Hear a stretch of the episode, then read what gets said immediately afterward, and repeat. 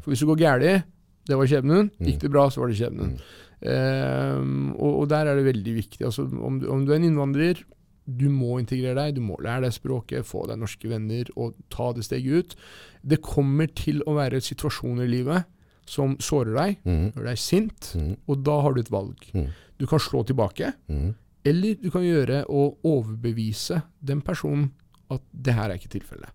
Mm. Jeg er ikke en terrorist, jeg er ikke en voldelig fyr. Jeg er ikke, altså, eh, vi er like. Mm. Eh. Wait! Okay, now, from the beginning.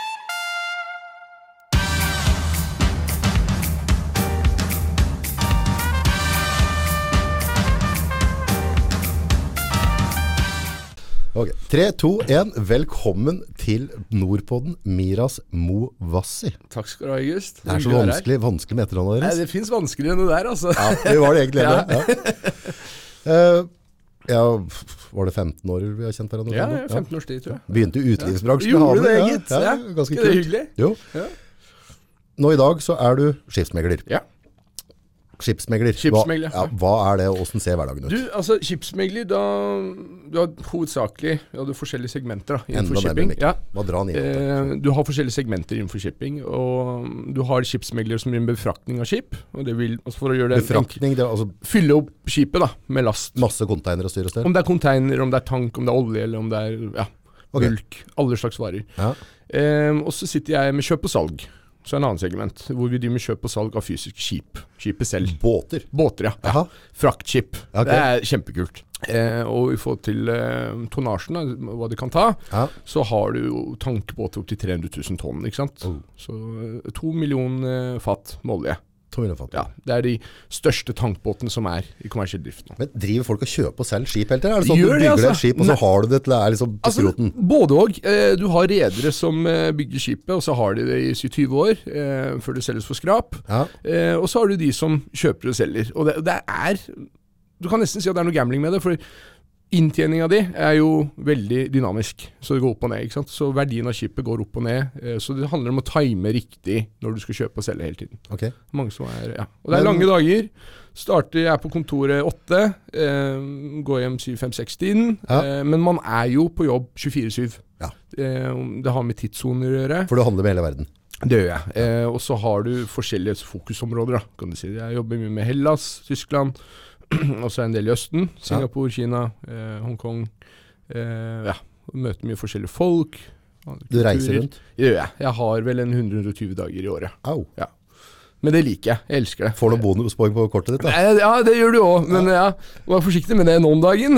men, eh, Ja, det er noe skattegreier. skattegreier nå. Ja. Ja. Men eh, nei, jeg elsker det, og jeg tror det er bra på alle måter. Du blir ikke lei av å bo på hotell? Jeg blir ikke det, altså. Nei, Jeg syns det er en variasjon som eh, også er bra for kalde forholdet eh, med kona. Altså Man savner hverandre eh, kontinuerlig. Ja. Så det syns jeg ja, har funket utmerket. Men altså, når du kjøper og selger skip, Mm. eh, da vil si at altså, du har da kontakt kanskje med selger og kjøper. Ja. Eh, og du skal til Singapore og prate med en altså, Ja. Du møter en og annen fargerik påfugl, vil jeg tro. det gjør det. det Ja. gjør det. Altså Det er Dette er en veldig sjuk verden. store karakterer og personligheter. Og, og det er en, altså en stor del av jobben er jo nettopp å møte forskjellige kulturer på deres sett.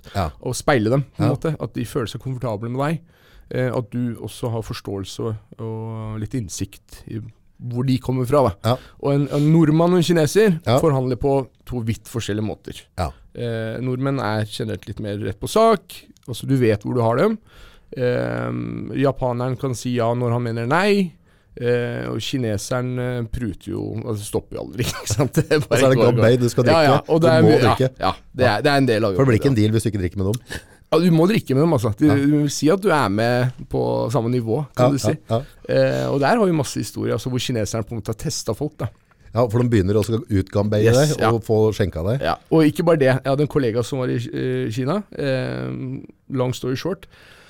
De satte han til møte, satte opp eh, forskjellige gjennomsiktige flasker da, med, med det som var eh, deres kinesiske drikke, eh, som er ganske sterk og smaker nærmest diesel. Eh, og der sitter han og drikker, da, og, og så går det kort tid, da er han jo sørpig dritings, og våkner på hotellrommet. Og så kommer det en annen fyr og vekker han, han bare ja, 'Pass the test' og sånn. Da hadde ikke de andre kineserne drukket. De hadde drukket vann. De hadde bare tatt han skikkelig. Sørpedritings. Bare OK, OK, OK. Det er greit. De skulle ha den full. Ja, du skulle ha den full. Ja. Skulle det, og det var nesten underholdning, da. Men ja. Men når det er rundt sånn, altså Idet jeg skal kjøpe et skip, da, i det, i det jeg er den posisjonen jeg skal handle et skip av Mm. Ja. deg, så ligger det i kortet at, jeg- at, at jeg har litt penger i baklomma. Ja. Så du har jo med sykt rike, men, sykt rike mennesker å gjøre fra Ja. andre deler av verden. Si. Og jeg vil tro at uh, millionærer eller milliardærer fra andre siden av Mm. verden har litt annen oppførsel enn hva du kanskje forventer å få her i Norge, eller? Ja, altså det, men det som er positivt, da, er at uh, de fleste jeg har møtt på i, i fotobransjen det, det, du kan ikke si at de er nyrike, det, så de har drevet med dette ganske lenge. Ja. Så mm, det har ikke vært noen uh, spesielle, spesielle situasjoner sånn sett, at du har følt at ok, hva gjør jeg nå, liksom. Nei. Men uh, så lenge du er tilpasningsdyktig og på en måte tar det så, litt som det kommer, så ja, jeg har ikke hatt noe problem med det. Sånn Hvor viktig er nettverksbyggingen der? Veldig. Altså Det er ikke sånn at vi sitter og jobber på finn.no, ikke sant. Så du, du følger med på mail Ja. daglig hvor båter blir markedsført til salg, eh, og så ser du de som er ute etter å kjøpe. Og dette er jo gjennom meglere, ikke sant. Ja. Eh, og så har du systemet hvor alt blir lagret, og så fort du får en båt for salg, så skal du ringe de riktige kundene. Eh, og det er jo ikke, dette er jo kunder som du har regelmessig kontakt med, Okay, som du møter. hele ja, hele tiden. Ja. Så du holder dem oppdatert på markedet. Og når de kommer til en posisjon hvor de skal kjøpe et, et skip eller selge, så sier de fra til deg. Mm. Og da begynner du å jobbe på det. Ikke Ok, sant? ja. Så ja, så forhåpentligvis du klarer du å lande en deal, da. Kan du si. Men et skip, altså en ting, vi alle kjøper et hus, og det er noen Mm, ja. vannskader og dårlig drenering og sånne ting. Altså, det er noen ventiler og generatorer er det, et skip, det er det. og, og sikkerhetshus som skal oppdatere. Altså, hvordan gjør, altså, fra du har et skip og du Mm. skal selge meg det, på en måte, hvor mye taksering og mye folk må gjennom det skipet, for det er jo så vanvittig mye teknologi i et sånt Du, skip. hadde vært, du blir overrasket over hvor fort det der går. Altså. Fordi Du skal inspisere båter, Ja. og da sender de en eh, som er teknisk, eh, for å se på skipet og se på de Er du innom og ser på sjøl? Jeg gjør ikke det. Nei. Jeg, altså, jeg har vært om bord skip, Ja. men eh, jeg har ikke mye peiling på det tekniske, så jeg skal ikke prøve å si noe der engang. Men de inspiserer båten, og så sier de at ok, ja, men her er det, det er positivt, det er negativt. Og så er det visse områder de fokuserer på, da, Mm. selvfølgelig. Eh, på tankbåter så må du se tankene, at, eh, om det er um, Tykkelse på stål. ja, f.eks. Ja. belegget, om, om pumpen er riktig, altså alt fungerer. Så ser du på loggen om, om eh, altså, eh, forbruk er riktig i Mm. forhold til det det skal være. Om det er, altså, de ser jo antydninger fort om det er noe feil med Mm. skipet. Eh, og så inspiserer du, får en rapport i løpet av en to-tre dagers tid. Så byr de. Eh, og så er det veldig mye forskjellige måter å gjøre det på. da. Japanere har en helt annen måte å selge båt på. Ja. De kommer båten til hele markedet. Sirkulerer den. Eh, de som er interessert, går om bord. Mm. Og så har de nærmest et auksjonssalg. Oh ja. Hvor du Stå på brygga. ja, ja, det er nesten så. Altså, de, du, de setter et tidspunkt hvor alle kan eh, komme med budene sine. Ja. Eh, og så gir de et motbud til de høyeste budgiverne. Altså, ja. Mens, og så har du private dealer, hvor Mm. sier at August, som deg, sier til meg at Miras, nå skal jeg selge den båten her. Jeg vil ikke ha i markedet. Prøv å finne en kjøper. Mm. Så kommer en kjøper og sier at den kjøperen er villig til å betale den prisen her. Hva syns du?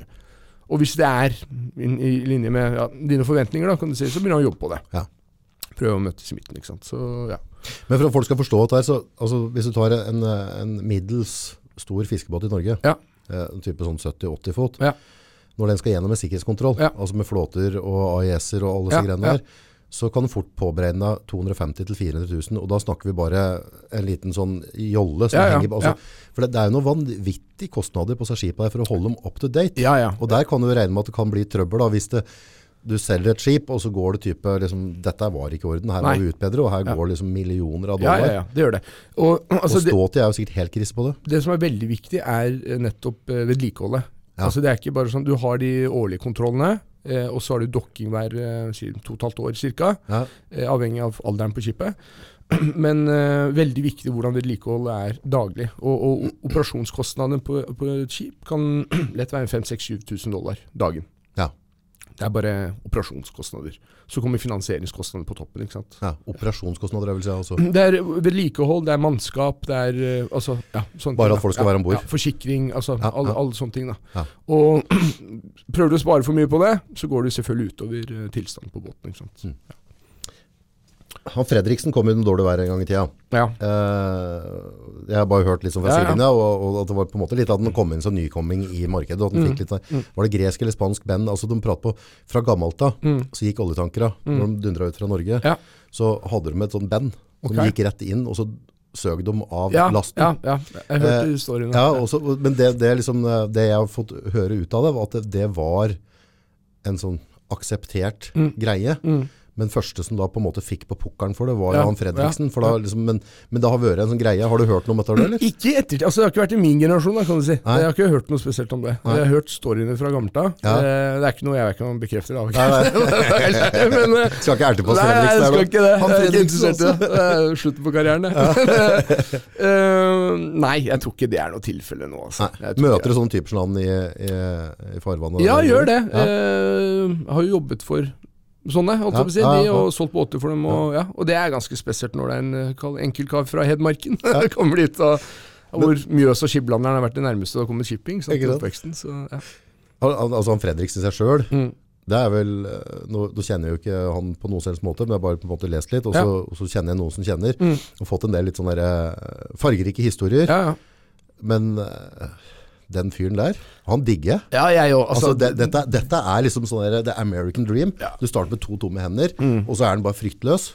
Og så har han ikke vett på å gi seg sjøl om hele markedet prøver å gå imot den, og så kommer han ut seirende. Jeg Mm. Syns det er så tøft. er helt vanvittig. Altså, det han har fått til, eh, er helt vanvittig. Altså, Ikke bare i seg selv, men også hvis du tenker på Norge og lenge leve janteloven vi har her i landet. Ja, ja. At han har på tross av alt, da, og med bakgrunn og ikke ha noe Altså Han er ikke noe arvtaker på noe shipping, for å si det sånn. nei, nei. Og bygd seg opp det imperiet han har. Mm. Og vært utrolig flink. Eh, og ikke bare kall det personlig, men det han har skapt for Norge. da. Mm. Eh, og både renommé som shippingnasjon som har vært tidligere, og arbeidsplasser osv. osv. syns jeg har vært helt vanvittig. Det er All honnør til han, altså. Mm. Helt vanvittig.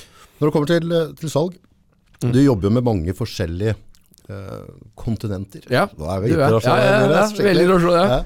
Eh, er det noen deler av verden, din personlighet Mm, passer bedre. ja, Er det noen du syns er gøy å Jeg vil si det. eh, Grekere Grekere? passer Altså, jeg er jo opprinnelig fra Iran, Ja, og vi er fargerike Ja. og litt utadvendte og plapper litt. Og de funker jeg ganske bra med. Ja, Eh, tyskere er veldig mer like nordmenn. ja. Veldig sånn rett på sak, og det kan jeg også være. Altså. Du må jo ha en allsidig personlighet som skipsmegler. Eh, og østenfolk.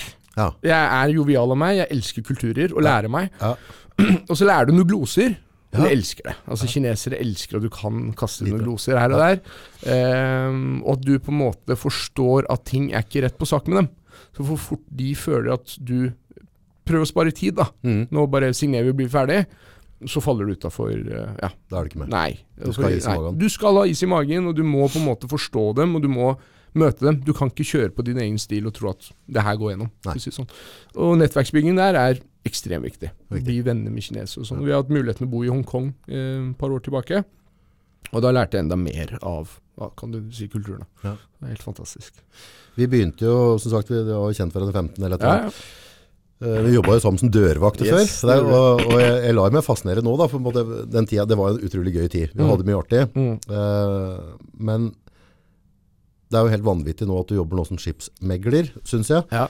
Eh, men samtidig så ser jeg det òg, for eh, jeg, jeg klarer ikke å møte deg uten å bli glad. Nei, Nei, altså du, du, du, har, du, har, eh, du har alltid hatt en positiv energi med deg, og det tror jeg du har fått av far din, for han har akkurat samme marken. Mm. Altså det, er, det, ja, men det er smilig, og er og så er du på humør og skryter litt og, altså, er, av folk. Og er, altså, Mm. Du er jævlig en sånn likende type. Altså, som type selger sånn, Ja. så må du være den perfekte det. Ja. Men, det, men altså, det er veldig personlig, men det er også hva du vil. da. Og Du må gi av deg selv. ikke sant? Ja. det, det er, jeg føler at det er mange som ikke er interessert i det. De Nei. på en måte føler at livet kan bare gå sin gang uten at man trenger å strekke seg. Ja. Og jeg har alltid vært en person, både i vennskap og jobbsammenheng og ekteskapet, så prøver jeg på en måte å bidra eh, på de måtene jeg kan. Mm. Eh, og strekke meg så godt jeg kan. Og så føler jeg at man får mye mer ut av livet nettopp ved å være den personen. At du eh, Det har kanskje noen sammenheng med at jeg er en innvandrer òg, Ja. i Norge. Eh, og for å på en måte komme inn i det norske samfunnet, lære deg språket, integrere deg, få norske venner osv., så, videre, så måtte, eller vi må, ta det første steget, Ja. føler jeg. Ja. Eh, Og vise at du vil faktisk integrere deg, du vil komme deg i samfunnet osv. Og, så videre, og det har jo på en måte en konsekvens på din personlighet ellers også, i andre segmenter i livet. Da, kan man si.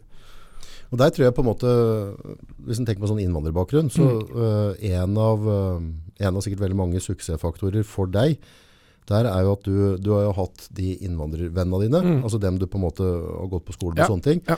men du har også vært veldig flink til å ta vare på Norske. det norske Ja. miljøet og Ja. de norske kontaktene. Og der tror jeg liksom, da, da blir det en fin blanding da. Det blir det. At det på en måte ikke bare går i ene Ja. retningen, at du bare sitter og Bare leser utlendinger. Koranen Ja, ja, bare, ja, ja, altså, ja, ja. Det, ja, men er, Nei, jeg ser den. Men, men det som er, er at når du kommer til Norge, så er det veldig fort gjort at de første vennene du får, er innvandrere. Si seg selv. Eh, og det har selvfølgelig med eh, hvor du kommer òg. Eh, når vi kom til Norge i 1990, eh, vi ble plassert ute i Ridabu. Ridabut Ja, alle ting. det var ikke mange utlendinger der. Nei. Eh, men Gammel var du da? eh, jeg var fire. Fire år. Eller jeg fylte fire i Norge. Første fire åra, hvor var du da? Du, vi, født i Iran. Eh, Flytta fra Iran da jeg var seks måneder gammel, Ja, til Pakistan. ja. Og da var vi flyktninger, for det Ja. var under Iran-Irak-krigen. Bæra på seg og Ja, gå rundt si. på Ja, gata omtrent, ja, eller? det var nærmest det. Husker du Eh, fra det? Ikke mye. Eh, Jeg husker kanskje noe fra jeg var tre. Eh, Jeg husker at vi flytta ofte eh, fra leilighet til leilighet. Og det var eh, veldig mange som bodde på leilighet. Ja. Leilighet på 50 kvadrat og sikkert 10-15 mann. Hvor eh, om morgenen var det ut og jobbe, tilbake igjen. Liksom Måtte du være med ut på jobb da, eller? Jeg husker ikke så mye av det, altså. Men uh, jeg bare husker at det var veldig um, ustabil hverdag. Da, kan du si. Du visste ikke hva som skjedde. Det var bare sånn ja, Var, var det fare for at noe skulle bli sprenges, eller noe skulle sparke Ikke, døra? Altså. ikke pa ja, Pakistan, Vi visste aldri. Altså, vi venta jo på å bli godkjent av et land. Mm. Eh, og vi ble det gjennom FN-kvote programresultat, holdt jeg på å si. er du kvoteflyktning? Ja, ja, jeg er vel det, tror jeg. Ja, kult. jeg ikke, ja. Og da kom vi til Norge. Ja. Eh, Da var det Ridabu, eh, og da fylte jeg fire. Eh, og så var det Husker du det kom til Norge? Det husker jeg veldig godt. Var det på Eh, vinteren eller Ja, det var, det var i mai Oh, ja. 1990. Det var Men det var kaldt i hvert fall, det Ja. husker jeg. Eh, det var veldig annerledes. For mye, altså, rensligere, ryddigere, renere gater, og folk Mat var annerledes, og maten, alt var annerledes. ikke sant? Og så var vi i Ridabu, det var jo meg, ja, du måtte gå, gå ganske langt til den nærmeste butikken, og så var Ja, Buss overalt, og svar. Eh, men jeg husker, altså det satte mye av utgangspunktet for livet mitt i ettertid. Og jeg er veldig glad for at vi kom til et sånn lite sted. Ja. For du blir nærmest påtvunget til å lære deg språket. Du blir påtvunget til å komme deg inn i samfunnet. Altså Hadde du kommet til Oslo, så veit jeg ikke om jeg hadde hatt Altså vært der jeg er nå, og vært den jeg er nå. Ja, for der, der har du noen klare meninger i forhold til med, Det med, med påtvinging av kunnskap. Ja, og, og, og det er ikke bare det. Altså det, det er forventningene man og krav man må stille til uh, utlendinger Ja. når de kommer til Norge. Eh, språk, at man på en måte har den villigheten til å integrere seg i samfunnet. Eh, og desto viktigere er at det stedet eh, de blir plassert, da, kan du si, er et sted hvor man ikke får den gettokulturen. Hvor det er masse utlendinger samlet på et lite område hvor man ikke lærer seg språket, og det, man etter noen år plutselig prater det man kaller kebabnorsk, Ja. kan du si. Eh, og det var det positive med å komme til Hamar. Ridabu ble en del av Hamar og alt det greiene i ettertid, og så flytta vi til Hamar vest, eh, og det er der jeg vokste opp, da. Ja. Mesteparten av livet mitt. Men jeg husker jo ting fra jeg var liten som Jeg vil ikke si at det er beste minnet, Mm. men det har på en måte kanskje gitt meg litt energi på nettopp det å på en måte strekke ut en hånd og vise at vi alle er ikke kriminelle eller eh, terrorister eller hva det skulle være. Eh, og så når vi tok bussen fra Ridabu til sentrum, Ja. og gjorde det hver dag med mor, ikke sant? Eh, til barnehagen. Eh, og til tider så sykla pappa meg. Men da hadde vi en bussjåfør som hver gang jeg og mor sto alene, Ja. så kjørte han forbi oss. Nei. Jo, jo. Det gjorde han hver gang. Hver Seriøst? gang. Ja, ja. Eh, og det husker jeg så godt. Fordi jeg stilte jo alltid mamma de spørsmål som Hvorfor kjører han forbi oss? Har han ikke greia? sett? Hva hva greia? Og mamma ville jo ikke Hadde hun burka sånn? Nei, nei, nei. nei. Mamma er ikke Nei, Nei. vi er ikke religiøse på sånn sett i det hele tatt. Eh, så eh, hun ville jo ikke at jeg skulle tenke noe negativt om det. Så hun sa at han har ikke sett oss. Ok. Og det tror jeg er ganske viktig.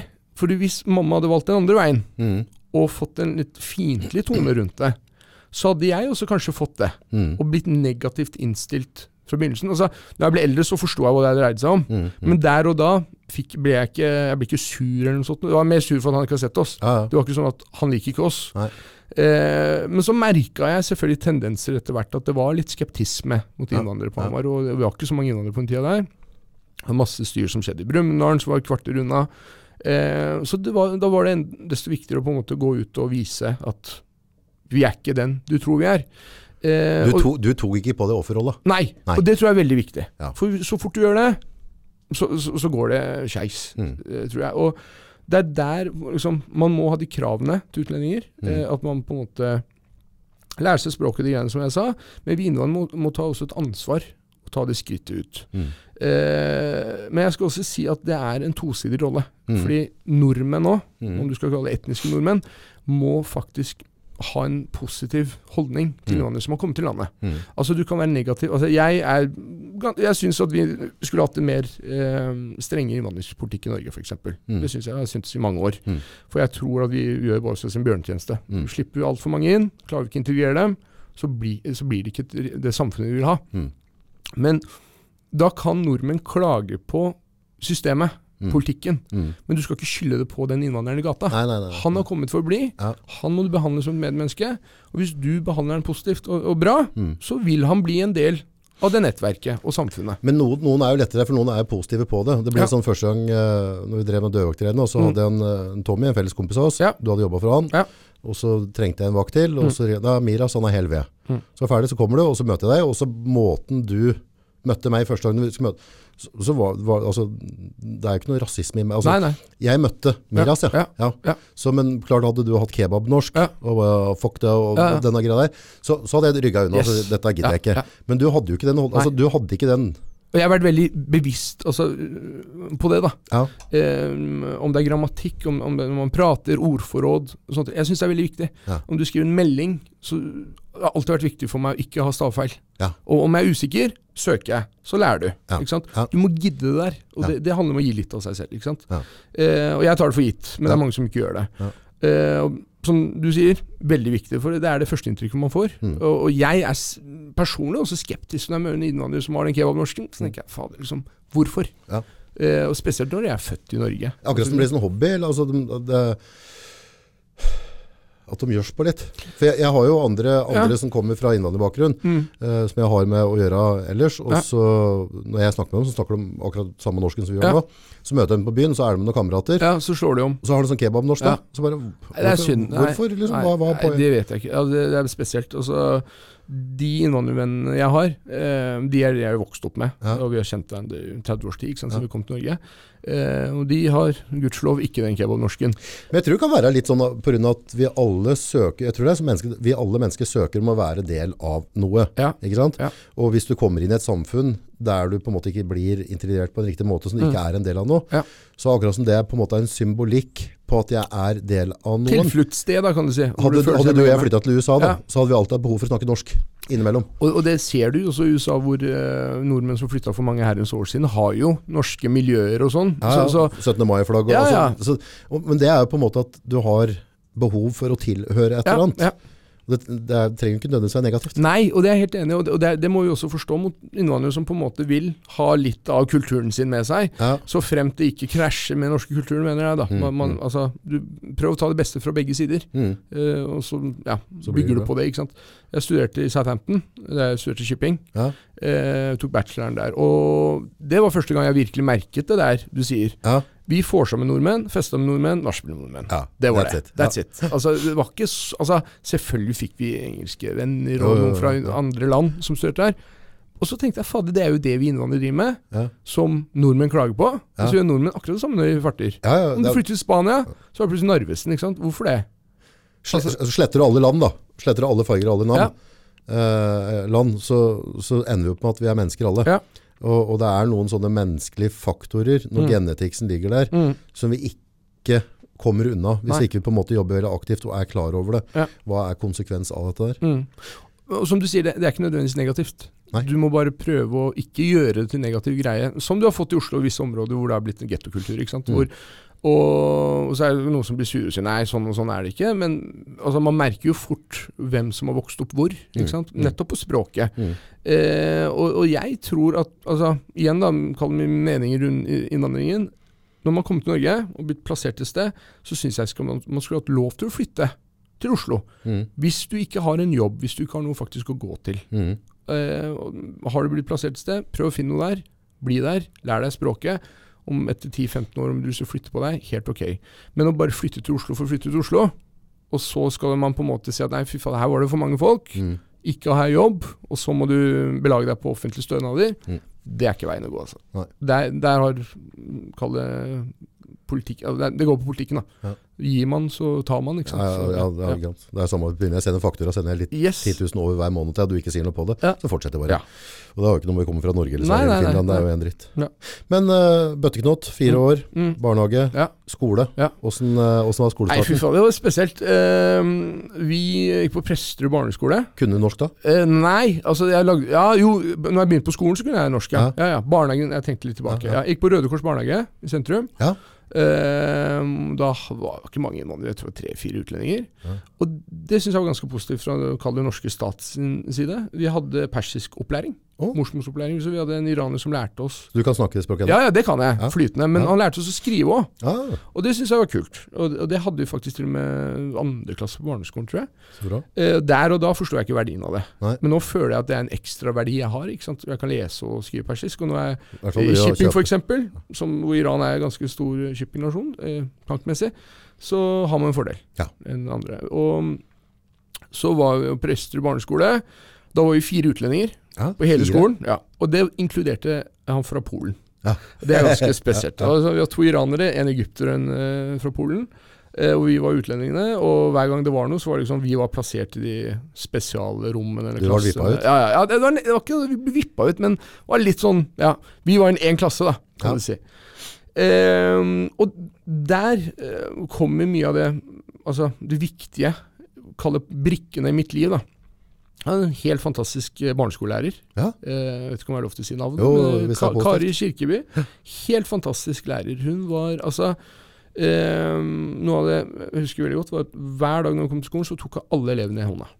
Oi, Hilste på oss. Hver dag. Hver bidige dag. dette var på 90-tallet. Dette var på 90-tallet. Det er ganske heftig. Og det var utrolig hyggelig. Shout-out til Kari Kirkeby. Da. Ja, ja, virkelig. Og hun Altså, jeg følte at hun prøvde allerede da å lære oss visse verdier eh, i livet. På mm, så forskjellige måter som der og da, så så jeg det ikke. Men i ettertid så ser jeg tilbake og tenker fy fader. Altså, altså du bruker ganske mye tid på skolen når du er liten, så det er så viktig at man har de eh, rollemodellene da, Ja. som faktisk tar seg tid og ser på at det er ikke bare en 8-4-jobb. Du har faktisk en, en ganske på, stor påvirkningskraft. Samfunnsansvar. Ja, du har det. Og de elevene som er hos deg, altså de, ja, du påvirker livet deres uh, ganske god tid i ettertid òg. Var du traumatisert fra den der flytteperioden når du var liten? Og sånn, at det var litt umulig? At du Nei, klatra det- i taket og altså, du kan si at iranerblodet er jo der, så Ja. du er litt mer uh, oppe og shouter og altså, uh, Vi er ikke konfliktsky fra Midtøsten, så er det noe som går gærent, så hører du det. Og uh, dessverre, da, så er det sånn altså, vi, um, Det den der hverdagsrasismen og alt det der, og, Ja. og mange barn får jo det fra foreldra. ja. Så jeg hadde mange tilfeller hvor folk kom og sa til meg Ja, far min har sagt at dere bør dra tilbake hvor dere kom fra. Ja, ja. Og min reaksjon var jo smellende trynet. Ikke sant? Ikke at det var noe positivt, Nei, nei, nei. men det var min reaksjon da. Det var sånn jeg. Eh, og det skjedde mange ganger. Og så ga det seg til slutt, da. For de skjønte hva konsekvensen var. ikke at det var noe bra, men eh, og, og igjen, da. Hvor viktig er det å på en måte ta og passe på de samtalene hjemme. Ja. Eh, at barna ikke Altså, passe på de meningene man har. Barn ikke hører det. Altså, går det til skolen, og så Du påvirker jo meg Ja. og mitt liv i ettertid. ikke sant? Eh, som prøver kanskje å integrere meg. Men mor og faren din da, de stiller ganske stor rolle der òg. For det er på en Mm. Måte i forhold til hva du lærer på skolen. Hvis Ja. de kommer og avlærer det der hjemme, Ja. så begynner det å bli vanskelig. Og de har vært alltid positive på det her. Eh, jeg vil si at rollen til min mor har vært kall det en kjærlighetsrollen. Masse kjærlighet. Og på tross av uansett hvor mye idioti jeg har funnet på i min barndom, så har hun liksom alltid stilt opp, alltid støttet meg. Eh, far har vært den eh, jeg vil kalle kommandanten. Ja. Disiplin, ikke Ja, jobb. Jobb. Og han fikk meg ganske tidlig Han jobba ganske tidlig da han kom til Norge. Det var ikke noe snakk om at han skulle leve av noen offentlige stønader.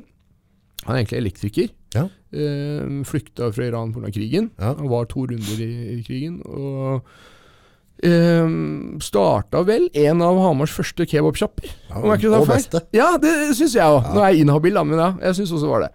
Eh, Det er da han Elias. Elias. Ja. Ja. Uh, og Veldig mange uh, kremmere kjenner jo han da. Ja. Han, er, han, har Han er godt sånn- likt. Ja. Ja. Han har vært litt overalt i byen og liksom ja, han er- det gamle transporteren kjørte. ja, ja, ja, ja, ja, ja. Ut av den type og jobber Ja. um, begynte å jobbe for han. Uh, nei, var en 14, gammel, ja, 14 Mm. tenker jeg. Uh, Solgte pølse på 17. mai, eller hva det var. Uh, og så husker jeg en av de avtalene vi hadde når jeg var med alderen der, og det var at uh, jeg fikk ikke noe gratis, som du vil kalle det. Altså spar 50% av det du vil ha, så betaler jeg resten. Ja. Og det var for å lære meg verdien av penger. ikke sant? Eh, og der og da forsto jeg det ikke. Du har jo penger, hvorfor kjøper du ikke? Mm. Men han klarte å på en måte kalle vekke den interessen for meg å jobbe Ja. for meg selv Ja. mine penger. Ja. Eh, og vite at dette har jeg skapt selv, eh, og det kommer en dag hvor jeg må betale 100 ikke sant? Så, og, og det syns jeg er veldig positivt. Og det er masse sånne storyer av far eh, fra liten. Altså, mange av vennene mine vil si at jeg er ganske mm, nøyaktig på tidspunkt. Ja. Avtaler og sånne ting. Ikke noe tull. Nei, og jeg er heller for tidlig enn for sen. Mm. Eh, og, og holde det jeg sier. Mm. Eh, en artig kort story til deg der. Ja. Eh, satt og spilte Nintendo. Jeg var seks-syv år gammel. Og så sier pappa nå må du skru av og legge deg. Ja. Eh, Pust tenna og legge deg, sier han. Og så ja, ja, sier jeg. To-tre ganger kommer han og sier det. Og så blir jeg sur, ikke sant. Så sier jeg ja, greit, skal pusse tenna tusen ganger, jeg, hvis du vil. Oh. Sier jeg. Ok, sier han. Så går jeg på badet, da. Begynner å pusse tennene, ikke sant. Så kommer han plutselig i dørkroken og ser på meg. Pusse tenna, så skjønte jeg ikke helt greia. Sette tannbørsten er på vei. Det var én gang, sier han. Jeg bare ok. Du sa nettopp at du skulle pusse tenna 1000 ganger. Det er 999 ganger igjen. Og jeg var livredd pappa. Altså, det, var sånn der, det var aldri noe vold, altså, Nei, nei, det nei, man hører om det. men når han sa noe, Mm. så adlød jeg. det var ikke noe diskusjon. Og så sa jeg ok, så begynner jeg å pusse en gang til, da. Og August, etter å ha pusset tenna fem-seks ganger, så var det jævlig vondt i kjeften. Ja, ja, ja, Sorry språket, men eh, fy fader, det gjorde vondt. Og jeg begynner å grine, ikke sant. og så sier jeg, hvor griner du? Nei, det begynner vondt. Det er på skolen i morgen, jeg må legge meg. Begynner å bruke en unnskyldning. Ja, men det er greit, går du på skolen i morgen, kommer tilbake, så fortsetter du, sier han. Og rett i senga og gråt og gråt og ropte på mamma. Surva, ikke sant. Og pappa bare nei, nei, nå må han lære seg det han sier, står han for. Så sa jeg sorry, da. Beklager til pappa. Mm. Og det var det. Jeg slapp å gudskjelov å pusse tusen ganger. Ja. Men etter det så har jeg aldri sagt noe til pappa som var kaldt. Bidige ord. Nøyaktig på ja, sekundet, kan du si. Konge. Så det, ja. Men barneskolen, Ja. du hadde jo på en måte Du var jo i en minoritetsgruppe. Ja. Og så mye, mye, mye lærte du på barneskolen? Hvordan var det å komme inn i ungdomsskolen? For da, Du, da begynner du å steppe opp med karakterer. Ja, eh, altså barneskolen ja, Da hadde du ikke karakterer, selvfølgelig, men når du kom til ungdomsskolen, så ble du plassert i de der innvandrergruppene og klassene. da Spesielt i Da norsk og ble sånt. det ikke sant? flere innvandrere da, eller? Ja, noe. Ja. Ja. Men ikke så mange. Altså, det var ikke sånn at det var mm, 30 av klassen. Sånt, da. Det var fåtall, men vi ble fort plassert i forskjellige grupper. Og så var det norskopplæringen. da. Ja. Så var vi plutselig en annen eh, gruppe. ikke sant? Eh, og da ble jo alltid læreren ganske overraska når jeg begynte å prate norsk. Han ba, Du, kan jo norsk, sier han. Og jeg har bodd der siden jeg var fire år, da, sier jeg. Så det er ikke noe ja. Skulle bare mangle. Og hva gjør du her, sier han. Sier han. Og så sier jeg nei, ta fader, jeg plasserte meg. Og så husker jeg bare stilte oss spørsmål. Jeg bare, Hva er forskjellen? Ja. Nei, det blir bare at du sitter her med de andre og der er det nynorsk. Ja. Så nei, men da blir jeg her. og det var jo helt nyankomne utlendinger der òg. Ja, ja. Men da var det sånn, jeg tenkte heller det enn eh, å sitte med nynorsk, altså. Hadde du begynt å knytte noen norske kamerater da? Ja, ja, ja. Det hadde jeg. Eh, altså, det tok en stund eh, før jeg gjorde det, faktisk gjennom barndommen. Og de vennene jeg har fra barndommen, eh, de har jeg kontakt med Ja. per dags dato. Og, og, og det var veldig viktig Altså, jeg vet ikke om det falt meg bare naturlig å og, ville bli kjent med nordmenn og få norske venner og henge med nordmenn og alt det der. Men det skal sies at skeptismen har vært der, altså, fra andre siden. Ja. Eh, mot å på en måte slippe til innvandrere, om det skulle vært en fest, eller om det var en sam, altså sammentreff, eller hva det skulle være, Ja. eh, så har det til tider vært litt uh, skeptisme. Ja, ja. Eh, men jeg vil si at altså det miljøet jeg vokste opp i på Hamar, eh, så hadde jeg muligheten til å få de vennene Mm. som jeg på en måte ja, tatt med i livet. Da. Eh, og som har hatt eh, en positiv påvirkning for meg. Hm. vil jeg si. Etter ungdomsskolen, var det noe videregående, eller hva skjedde da? Det var det. Det var uh, AI videregående, før det ble endra navn til Hamar katedralskole. Ja. Uh, igjen, masse fantastiske lærere. Uh, gjennom ungdomsskolen igjen. Stig Vågan, fantastisk lærer. Eh, mange interessante diskusjoner med ham. Ja, for disse dere går med det. ja, ja, ja. for- Jeg elsker det. Altså, jeg, det altså, jeg kunne sittet og diskutert med nynazist, jeg har ikke noe problem med det. Altså, jeg, jeg synes altså, det, det handler om å i, Du klarer aldri å overbevise noen om dine Altså Det handler ikke om å overbevise, bare vise din side av saken da, før Mm. de sitter og prater med en.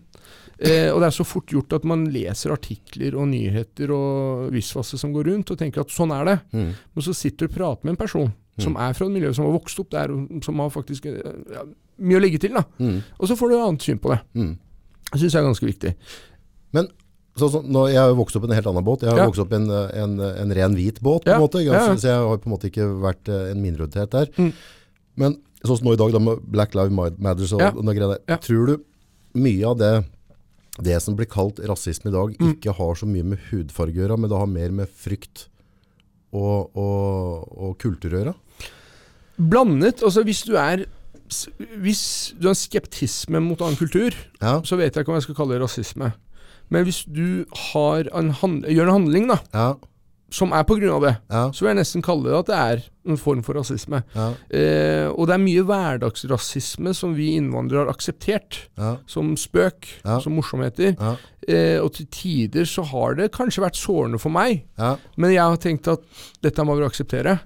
Ehm, og så syns jeg på den andre siden at det kan gå for langt. Mm. Man må jo tåle Altså litt. Vi må ikke gå i offerrolla. Nei, man, man må tåle litt. Man må tåle å ta en diskusjon. Og så, og så veldig forsiktig med å ta rasismekortet. Mm. Det er mange som på en måte er skeptiske pga.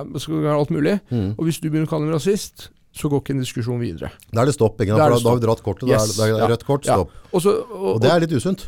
Veldig usunt. Og, og jeg syns nordmenn generelt er veldig konfliktsky.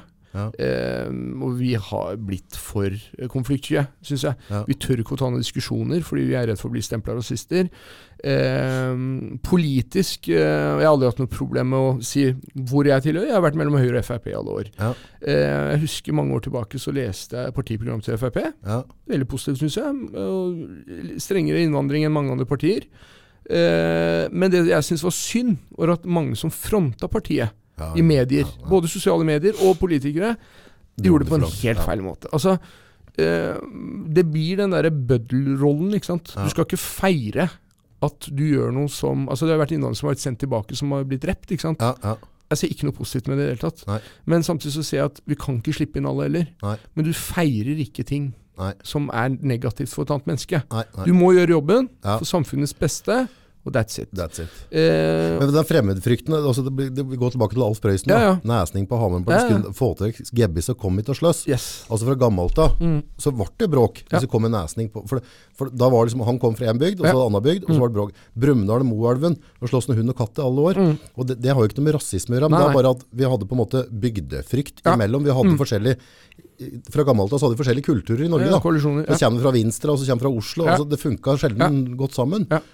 Og det er der det som er litt sånn skummelt, da, men nå, nå ser jo du det fra en helt annen side, så nå har du på en måte opplevd det. Ja. Altså, føler du sånn dere at vi drar det rasismekortet for fort? Det syns jeg. Så absolutt. Eh, at innvandrere gjør det. Ja, Eh, mange innvandrere gjør det, syns jeg. Ja. Til tider.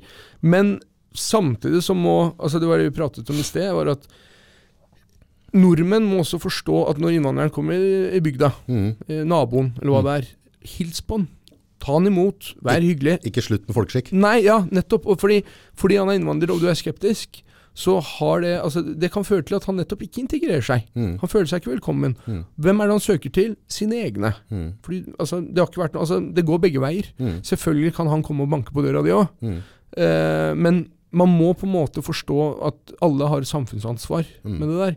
Eh, men det å dra rasismekortet så fort det er en diskusjon rundt innvandring, Mm. det må jeg være veldig forsiktig med. Altså. Jeg tror det er en veldig usunn utvikling. Mm. Eh, og så tror jeg vi gjør oss selv en bjørnetjeneste. Fordi du kommer i en posisjon hvor du eh, får det man kaller svenske tilstander nå. Mm. Og så skal noen komme og si nei, det fins ikke noen svenske tilstander. Men sorry, altså, det er 2020. Vi har nyheter, vi har sosiale medier. Vi får med oss hva som skjer rundt i verden. Mm. Eh, og si at det ikke er eh, gått for langt Mm. i visse områder i Sverige, og gettokulturen er, da er ikke øya oppe, altså. Sorry. Det må vi også passe på i Norge. Liksom, det er ikke noe ja. Du var tilbake igjen på, på tidslinja di der. Ja. Eh, videregående. Mm. Du har det er masse som ligger til rette for at du nå egentlig skulle blitt heltidsramp. Da. Ja, ja. Ja, Ja. altså, du, ja, det kan du si. ja. Ja. altså, veien er jo på en måte litt stuck ut for deg. Da. Ja. Ja. Eh, Vi, vi jobba jo sammen på byen, vi var kule kråker ute på byen. Ja, ja. Vi jobba som dørvakter, og vi var liksom midt oppi alt som Ja, ja. skjedde. Mm. Alle fighta som var i Hamar, Ja, ja. der sto vi jo. Ja, ja. I fronten, kan du si. Ja. Og Jeg glemmer aldri, du lærte meg knep. Hva var det for noe? Ehm, for jeg var veldig glad i forskjellige typer knep. Ja, ja, ja, Du, du bare tar hendene bakom Ja. armene, og så bak på huet, ja, ja, og så vippet for. ja, ja. Det har jeg brukt Ja, ja, utallige ja. ganger ute på byen etterpå. Effektivt, det, Ja, altså. og så skader ingen. Nei. Kjempefint. Ja. Bare vippe med det Ja. ut. Og så må du bare huske at de, de har jo tatt seg noen øl, ikke sant. Så Ja, ja. det er litt kortere reaksjonsevne enn det du er. det sånn. Nei, du kan løse mye med ja, Ja. uten å gå til det nivået. Men jeg er enig, altså som innvandrer For du var jo en fighter, da. Ja, jeg opplevde deg som fighter. ja, ja, Altså, smalt og ordentlig. Så var det aldri noen tvil på hvor. Mira Da, da sto Ja. du Ja, ja. skulder til skulder. Det? så, så du hadde jo på en måte eh, Du hadde jo det som skulle til for å kunne bli en gategutt. da. Mm. Ja. Ja. Du var jo ikke nervøs, og, og du Ja, det er akkurat det. Men jeg vil, kanskje jeg kom til et punkt hvor jeg tenkte at altså det derre øh, Nå var det ikke det vold vi utøvde i jobben, men jeg følte at liksom det å på en måte slå eller vold eller altså. Førte ikke noe positivt med seg i det hele tatt. Eh, og så kom jeg Tommy husker jeg sa til meg en gang, og han sa at eh, hvis du skal bli ille berørt av gloser som kommer ut av kjeften på fulle folk, Ja. så har du ikke noe å gjøre her. Eh, og jeg tror den toleransen min allerede begynte da. Mm. Å tåle å høre litt. Mm. Og forstå at altså, om fyren er full eller um, hva enn det er. da. Og mange tilfeller kom jo folk og beklagde helgen etter. Ja, ja, ja. Og, og det ga meg en annen, altså kall det en side av saken. da. Tenkte at faen, fyren var full. Ja. Ikke gjør noe med det. Eh, og det på en måte tilrettelegger at du får kanskje litt større ambisjoner i livet. Mm. Og tenker at ok, nei, vi er ferdig med dette, la oss se litt videre. Jeg vil gjøre noe ut av livet mitt. Mm. Shipping var veldig tilfeldig. ja og, og, Altså, det er en slags ambisjon å få det- fra Hamar. Mjøsa Skiblanderen. That's, det var det vi hadde. Ja, ja. Ridabu, Ja. Hamar. Og så var det-. Og så er du i det internasjonale markedet der. ikke sant? Hva fader? Jeg hadde en kompis som studerte et år i Oslo. Ja. Norges merkantile fagskole heter det. da. Og så kommer til. til Norges merkantile fagskole. Okay, det, det heter tydelig- Campus Christiania nå. Tydeligvis ikke noe for meg, Masse- for jeg skjønner ikke ordet engang. Du hadde funnet veien. Er det. Men uh, han kom tilbake til Hamar husker jeg, og sa at uh, du, shipping er business. Og du trenger ikke være noe rakettforsker. Det er pluss minus gang og dele. Det er ikke noe matematikk altså, utover det. Altså Livsdrømmen før det var å bli astronaut. Astronaut, Ja, og Jeg fant fort ut at uh, nivået her oppe var ikke helt uh, ja. Første iraneren på månen, var det Ja, som det mange? hadde vært noe, altså. Ja. Nei, det hadde vært livsdrømmen å gå der. Ja. Eh, men dessverre ikke smart nok. så det var greit å bare bite bullet tidlig nok og skjønne at det er ikke noe for meg. Ja. Eh, og så tenkte jeg ok, jeg er ikke smart nok, så kanskje jeg kan bli rik nok til å dra til månen en dag. Oi, kult. Og da var det liksom business jeg begynte å tenke på. da. Så jeg tok et år i Oslo, eh, og så hadde skolen et samarbeid med universitetet i Southampton, eh, hvor hun fullførte bacheloren. Og, og da skjønte jeg at okay, jeg må ha litt mer penger. Så tilbake til Hamar, jobbe et år, spare penger. Og da flytta jeg til Southampton. Eh, bodde der i to år, fullførte bacheloren. Eh, dette var 2009, midt under krisen og finanskrisen var. Da, da, altså, da var det plutselig hardcore skole. Da måtte du konsentrere deg. Ja, ja, ja. Det var ikke Ja, sånn å slenke unna og sitte Nei, i sinkeklassa på ungdomsskolen mer. Ikke det helt, tatt. Eh, og det var noe helt annet. Altså, men det som var positivt, da, er at altså, når du går på skolen, så har du ti fag. ikke sant? Men her hadde jeg valgt noe selv som jeg hadde interesse for. Og da er det mye lettere å på en måte bruke ressurser og energi og liksom fokusere. Og, for dette vil du. Da har du valgt selv. Det var lettere å lære, synes Yes, du? Ja. jeg syns det. For, for, øh, altså, hadde du spurt meg da jeg var 15, da, Mm. vil du se på dokumentar om skip i to timer? Mm. Nei. Nei. Nå kan jeg sitte og se på det. Altså, Ja. Jeg elsker det. Dette, er det jeg lever for nå. ikke sant? Ja. Og det er ingenting som er bedre enn å jobbe med noe som du har passion for, og lidenskap for, og liksom elsker. For da er det ikke jobb lenger. Det er, det er bare en del av hverdagen, på en måte. Kom du ut med brukbare karakterer, eller? Jeg gjorde det. Jeg hadde kall det second first, da, som var en såkalt B, Ja. vil du kalle det. Eh, men i shipping er altså Personlighet er alfa og omega. er Selvfølgelig må du kunne ting, men personlighet er veldig viktig. Men da er vi på neste. Ja. Altså Iran, Iran. Ridabu, eh, og så er vi på, på, på Hamar, Ja, og skole. ja, Du er fortsatt en iraner, ja. Og så er jeg norsk. Og- vil og så er jeg norsk. Ja. men, men allikevel, altså, du skal inn i et ganske smalt marked. Det er jo ikke sånn at liksom bare døra står på vidt gap, og Nei. her tar vi inn folk. Åssen i pokker? Du var utrolig vanskelig. Ja, det tror jeg på. Eh, ja, og det, det som Hadde du liksom vært ren norsk, hadde en pappa som Ja, jobbet ja. med det før, Ja, ja. så kunne du bare vippa deg inn bakdøra, Yes. så hadde det vært Den, den fikk Sånn har ikke det ikke vært for meg. Nei, nei. Uh, og det jeg syns er veldig kall det hyggelig, da, er at jeg har møtt på folk i shipping og kolleger som sier at de syns det er helt fantastisk det du har gjort. Å komme deg inn i shipping eh, med tanke på altså, Ikke at bakgrunnen skulle være noe negativ, men det var ikke forutsetningene. Nei, nei, nei, nei, nei, altså, du- Ja, ja, ja. Du ikke Eh, født til det. Nei, eh, og, og jeg vil tro at det var det engasjementet jeg hadde under skolen, eh, hvor jeg på en måte ville lære og var aktiv, og gikk, det var ikke noen unnasluntring. Og så ble jeg kjent med folk mm. som hadde nettverket. Eh, og den dagen jeg kom ut, så mm, ringte jeg de og tok kontakten og liksom vet om noe jobb osv. Og, så videre, og fant ut hvem som hadde fått jobb hvor, øh, og sendte søknader. ikke sant? Sendte søknader, ringte, ringte, ringte. Eh, og han som ansatte meg, som er en kollega nå, bytta selskap i ettertid, eh, han sa altså det er pågangsmotet ditt, og det er ingen som har ringt meg så ofte som deg. Sånn der, ringte han hver dag, Oi. så han ringte meg neste uke, ringte jeg neste uke. Det var ikke noe snakk om. Nei. Sånn drev jeg på i fader meg et par år. Tøft. For jeg kom jo tilbake eh, til Oslo, eh, jobbet i telebutikken igjen, for jeg drev med salg. Mm. Fikk ikke jobb i shipping. Eh, og så ble jeg aksjemegler et år. Oi, Det var jo ordentlig berg-og-dal-bane. var det? Ja, det var ikke noe for meg. Det, altså, det gikk for meg opp og ned. Altså, nei, jeg likte ikke det for det Eh, men på si så masa jeg fortsatt for å få shippingjobb. Ja. Eh, og så ble jeg ansatt. Og så ble jeg ansatt, eh, og da var det bare å levere, ikke sant. Eh, jobb, stå på. Ja, ja. Du høster som du sår. Altså, det, det er en av kall det viktigste ordtakene jeg lever etter. At du, du, du får ikke noe mer enn det du gir. Eh, og da var det veldig viktig å stå opp tidlig, være på jobb åtte. Altså, ikke dra senest bare for å dra senest, men for at du faktisk bidrar og gjør noe. ikke sant? Mm. Eh, og det har heldigvis vist seg å Hvor mye tror du den lærdommen med å pusse tenner og holde ord har hatt å gjøre Ekstremt i din nettverksbygging? Ekstremt mye. Og ikke bare det, men altså, pågangsmot. da. At du leverer har vært veldig viktig for meg. Eh, altså Salg handler veldig om at du skal på en måte sette opp dine egne mål og levere. Ja. Du kan ikke belage deg på andre, Ingen- for resultatene er deg. Ikke sant? Eh, og for å komme, bli en god selger Nå skal jeg skryte, men Jo, jo, jeg har det med salg er selger. Ja.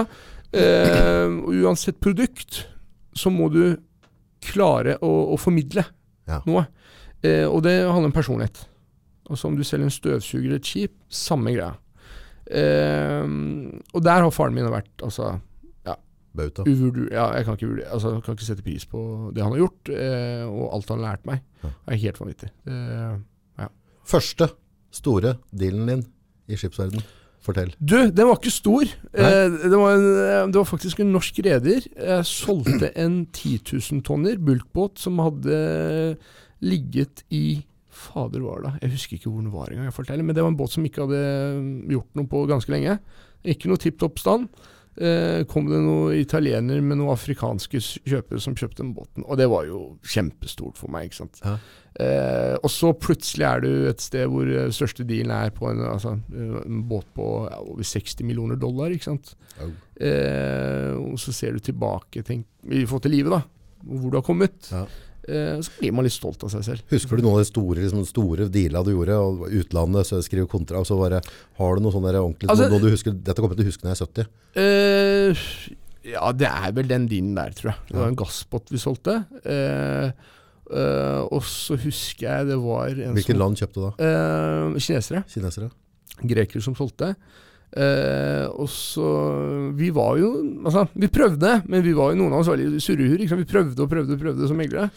Og så husker jeg det var en, en av de kalde sjefene som kom og bare sa How the hell did you idiots manage to do this? det var bare morsomt. Altså, Vi lo av det selvfølgelig. Det var hyggelig ment, på en måte. Ja, ja. Men det var kult å se tilbake. Bare Her har vi levert, liksom. Ja. Eh, og så er det kult når du på en måte gjør dealer med profiler som har vært en, eh, en Noen du har sett opp til, da. Ja. Uh, ikke å nevne navn, men liksom store folk du har lest om hele livet ditt, og så tenker du fy fader, nå har jeg solgt båt for den, og så er du plutselig og tar den i hånda, og så tenker du dette er det jeg jobber for, da. Dette Ja. er det jeg har jobbet for. Komme hit, liksom. Har du en feiring i closure når du gjør en dårlig Det gjør du, ja. Ja. ja det har du. Hvordan funker det i shippingverdenen? du, det blir en uh, god middag og, ja, som varer lenge, kan du si. Ja. Nok drikke attpå. Eh, og ringe bjella når Ja. dealen er blitt gjort. Og, og så har du kall det closinger, da. Eh, du har blitt enig og gjort alt, og så leveres båten fysisk. Ja. Eh, og så har du dokumentlevering også. Gjør du det Eh, fysisk, eller? ja. Du flyr ned og Du flyr ned til vanligvis Vi har gjort mye i Singapore, hvor du møter på advokatkontor. Mhm. Eh, og da er mannskapet Dressa på greier? Ja, ja, ja. Og ikke Ja. og alt det. Ja, ja.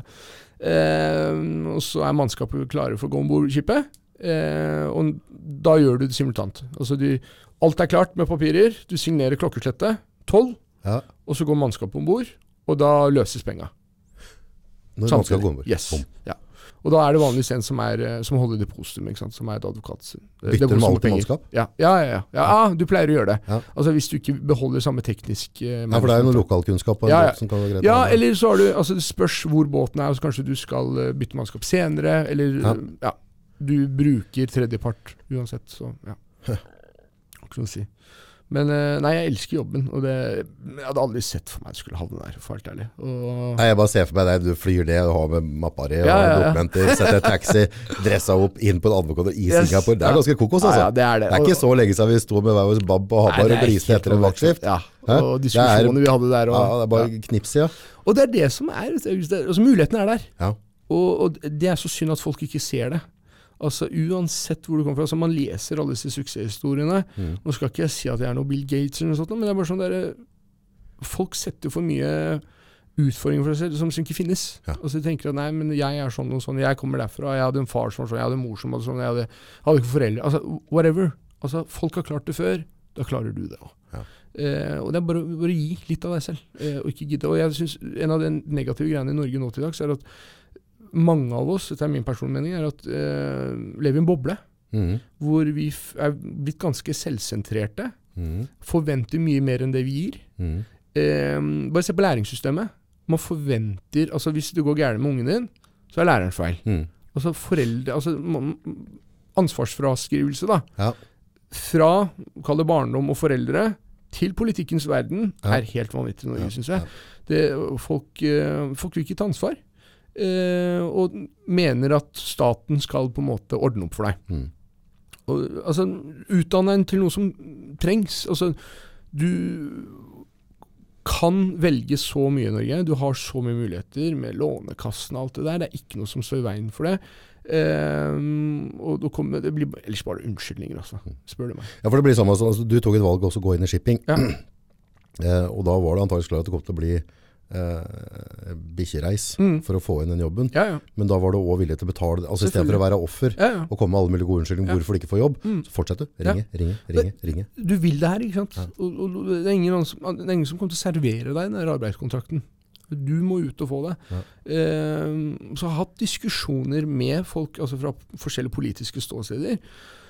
Som sier ja, syns du at eh, du som jobber med det, eller en finansmann, er eh, mer verdt, eller gjør det, er det bedre mennesker, eller whatever. Kall det en bussjåfør eller en søppelsjåfør. Ja, men nei. Folk velger forskjellige retninger i livet. Mm. Du gir og det du får. ikke sant? Kjører du buss, så har du satt tid. Jobbe 84 eller altså, Nå vet jeg ikke, men du har satt tid. Jeg har en jobb hvor hvis du ikke leverer på et par år, så, er, så må du bytte du ja, ja, du, du blir fort ferdig. Altså. Og det er forståelig. Ja. Det, det, er, det er ikke sånn at det, er ikke en uh, stor pengesekk til å bare ansette altså, Vi er ikke statlige, for å si det mildt. da. Du må generere. Ja, du må generere. Og, det, sånn, det er forståelig. Sånn er det. Og det, og det er så synd i andre um, sektorer. Altså, si det statlige, da.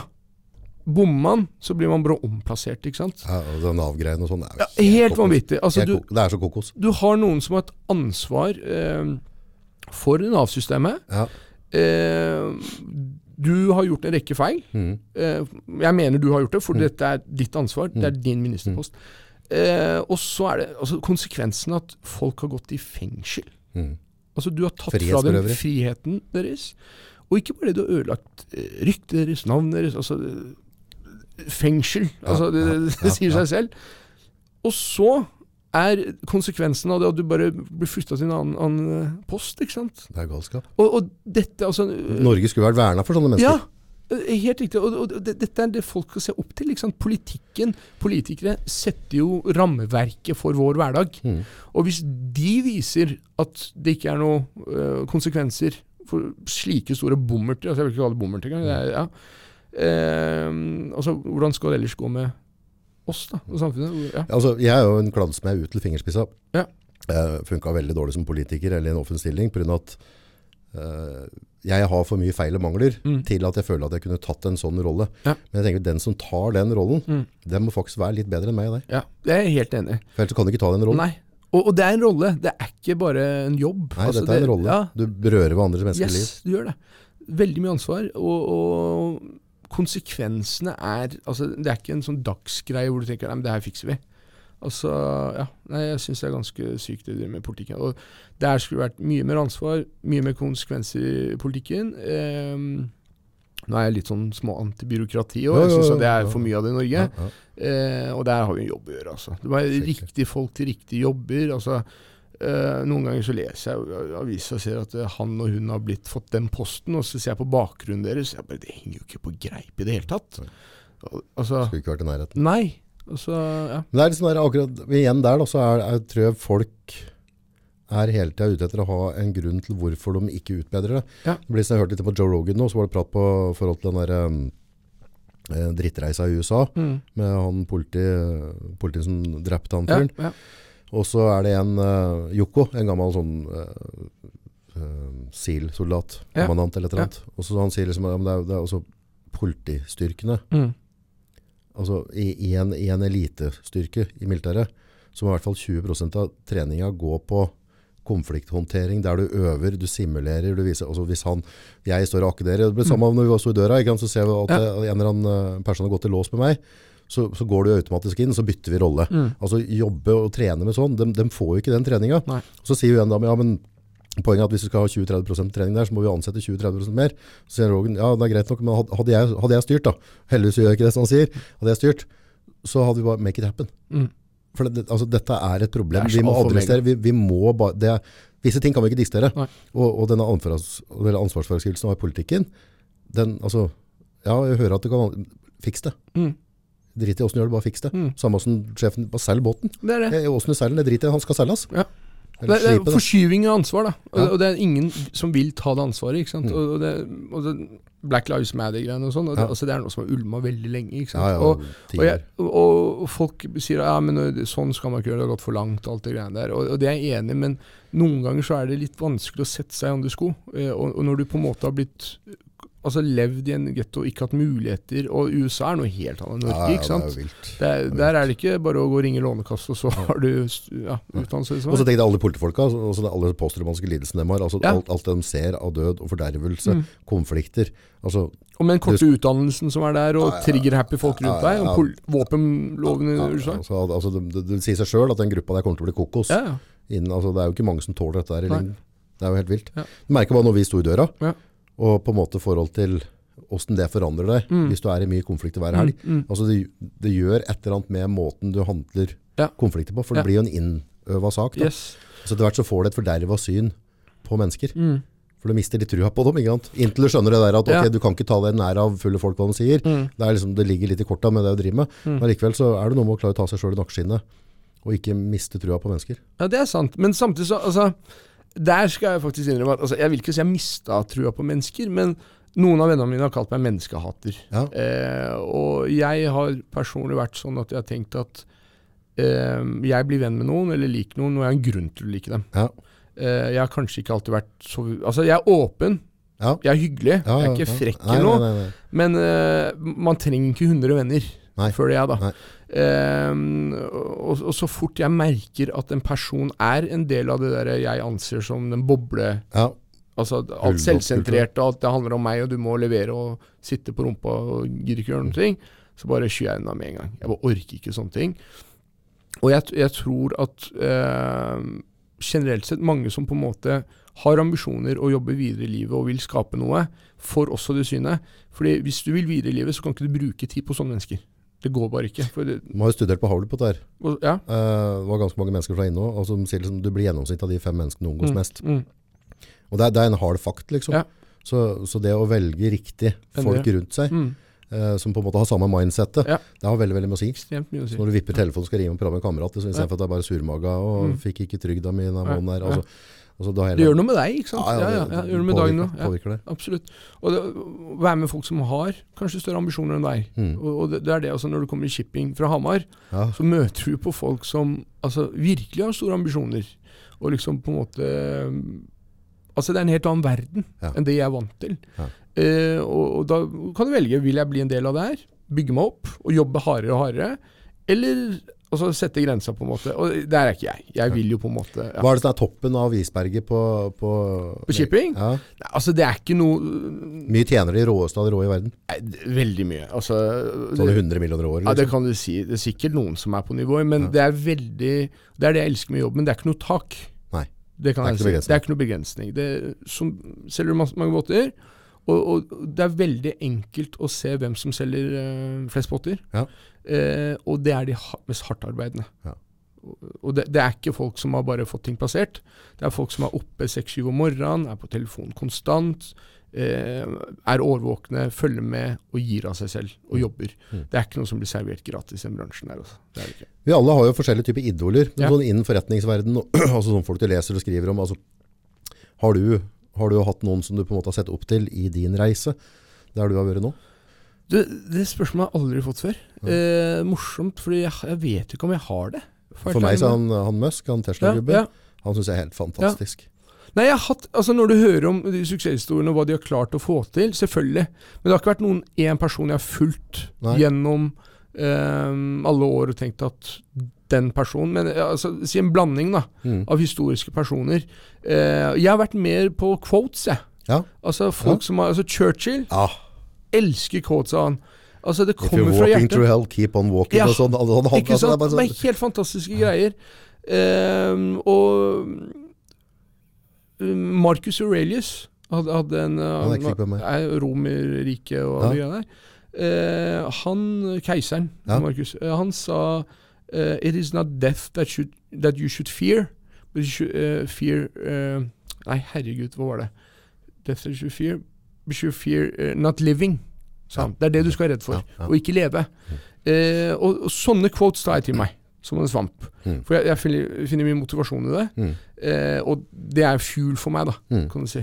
Det er som, jeg ser noe sånn der, om man er Musk for eksempel, da, så noen av de store gubbene der, um, det å, det andre ser på som en veldig sånn kom, komplisert situasjon, et, Ja. et, sånn veldig sånn uryddig kart. Mm. Noen av de der store personlighetene, Mm. de har liksom bare, de lager, altså, blir noen quotes som sier, som de bare forenkler det. Mm.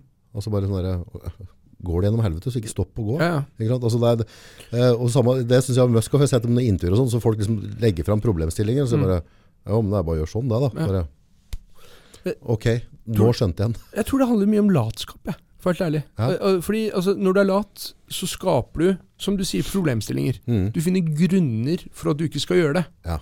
Nei, men hva med det, og hva med det, og nei, men det er så vanskelig, og, nei, men altså sånn og sånn. Det derre hva om-greiene, Ja. det er det som stopper mennesker til å altså, Hva er det de utvikle skal seg. bore av tunnelen, skal Yes. kjøre noen sånne greier, han Ja. mest der, og så sier de, ja, men det går ikke, for det blir for dyrt å lage tunnelen. Ja. Det koster for mye å lage tunneler. Så sier han, ja, men da får vi lage en tunnelmaskin som er billigere da. Yes, for eksempel. Ikke sant? Ikke sant? Altså, det er bare Så sånn derre Å ja, Han ja, det tenkte jeg ikke på. ja, Han gidder. Ja, gidder. Ja, og det, det er det. øh, altså, hadde folk bare giddet mer, så tror jeg de hadde kommet mye lenger i livet. I forhold til bakgrunnen din da, Mm. eh, fra, fra puppsupper, holdt jeg på å si, Ja. og opp, Ja. eh, er det noen lærdommer du har tatt med deg i forhold til på en måte det, å være, være en flyktning og så videre, og så gå gjennom dette her, som du føler du eh, høster godt av en dag i dag, når du sitter i Kina eller sitter i Singapore og er ute og dealer, altså har det, den reisa di gitt deg noen Ja, veldig. For altså, jeg vet ikke om det svarer på spørsmålet ditt, men jeg hadde en veldig allsidig oppvekst. da, Mm. Hvor jeg har sett mye. ikke sant? Det har vært innvandring, det har vært et salg, det har vært Hamar, det har vært altså, Mm. mye forskjellig. Kokt opp i en suppe, og så har jeg klart å filtrere det. Eh, og prøvd å ta det beste fra begge kulturer. Ja. Fra den iranske kulturen. Og, altså, iranere, varme, kontaktsøkende, eh, gjest, eh, eh, Gjestfrie. herre- gjestfrie. Eh, nordmenn litt kaldere, konfliktsky, ikke så utadvendte, litt skeptiske. Eh, og så har du det positive nordmenn. Holder det de sier, det er rett fram. Altså det, det er enklere å forholde seg til det. Mm. Eh, og, og vi iranere kan si noe, og så mener vi noe annet. mm. Eh, for du skal liksom lese mellom linjene. Ja, ja, for det, når du hører dem drive og kjøpe og selge tepper, Ja. så tar du helt av. Ja. Du tror de skal begynne å, å slåss, Ja, ja, og så er det bare Og så plutselig bare Nei, nå er vi enige. Bare? Så er vi ferdig. Eh, og for en nordmann så har det vært sånn Og nå, må, nå skygger vi unna. nå, nå går vi. Nå går vi. Eh, og, og det, og det, det syns jeg også er liksom artig at du nevner det. For det er sånn Nordmenn i utlandet da pruter for å svare fem kroner. Ikke sant? Og her i Norge blir vi flådd av avgifter og skatter og de prisene og kostnadene som er, har ingenting å si. Altså, Vi har fått en sånn sauepolitikk. Hvor vi bare, altså, vi trenger bare en gjeter foran oss, Ja. så følger vi han og sier bæ. Bare liksom, altså, det er helt greit. Er Men så fort det kommer sånne småting, da, hvor du skal spare en ti kroner her i utlandet, da er det en stor sak, liksom. Da kommer det. Eh, og hadde altså halvparten av de greiene som Nå sier jeg ikke at det er det som skulle skjedd, men hadde det skjedd i Midtøsten, så hadde ting og det som var sådd i flammer ikke Ja, sant? det var jo revet er ikke det konsekvensen Nei, nei, jeg er ute etter, men Nei. Du har ikke funnet seg i det? Nei, Nei. si ifra, og vi har det for bra. Ja. Og det, det, vi får for mye. Vi har det bra. Vi trenger ikke å gjøre noe for å få eh, det som får hverdagen til å gå rundt. Ikke sant? Tak over hodet og mat og greiene. Mens i andre land, så, så fort det skjer noe, så går det utover det brød, altså brødskiva. Ja. Det går utover strømmen din, det går etter vannregninga. Altså, Mm. Du føler det med på kroppen. Mm. Eh, ja, og dessverre Altså, oljen har selvfølgelig vært positiv for oss, men det har også gjort oss litt late, Ja. syns jeg. Ja, Ja. det er litt for lett å få, få trygdepenger og, og sitte og gi opp. Én ting er nå å presse på, da, som du har gjort hele tida, Mm. og kjøre business og, Ja. og, og klemme på, men uh, du har jo gifta deg, er, du. og så skal det bli daddy cool. Det skal jeg bli. Når er Jeg det det skjer? Masse. Det er slutten av oktober. Vi Oi, har, det er så eh, snart. Ja. Begynner å, Termin 22. oktober. Magen begynner å komme. er hun på humør, eller er hun Nei, altså vet du hva? Utrolig pos... Ja, høres feil ut, men jeg er positivt overrasket. Jeg Ja. forventa mye verre. Det har vært ekstremt lite klaging. Ikke spying og herjing og sint og sur. begynnelsen var de første par ukene, vel. Mm. Men det var ikke, hun gjorde ikke noe stor sak ut av det. Eh, en svensk kone, Hanna, fantastisk dame, som har også hatt uh, veldig mye å si for min personlige utvikling. Ja. Uh, jeg er en veldig utålmodig person, Ja. og jeg kan være veldig bedreviter. Det er, det, altså, jeg hørte du sa det i stad, jeg har aldri opplevd deg sånn. Nei, men uh, jeg vet ikke. Altså, det kommer det, an på tror jeg bare noe piss du driver og Tror du det? Ja, ja, jeg har aldri At opplevd det jeg sånn. kan være bedreviter?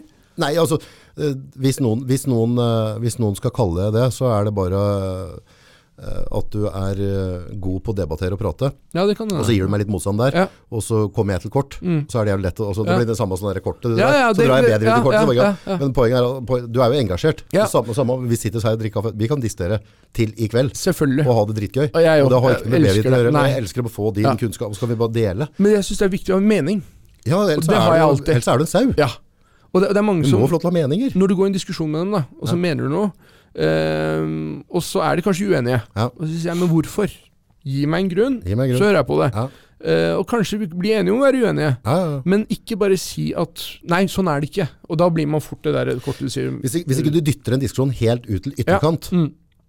Så, så vil du aldri få de beste. Da, da, vil du da vil du aldri ha muligheten til å lære fra meg. Ja. Hvis jeg skal bare liksom raute og så, å, jeg er enig i det. Ja. Men så dytter meg der, så kanskje du kommer helt ned i bånn, og så Ja. finner du hvorfor føler han det, hvorfor tenker han sånn. Mm. Hvilken, hvilken dokumentarer, hva har han lest som gjør at han mener det der. Og da, da har du faktisk mulighet til å lære noe ut av Ja, ja. da.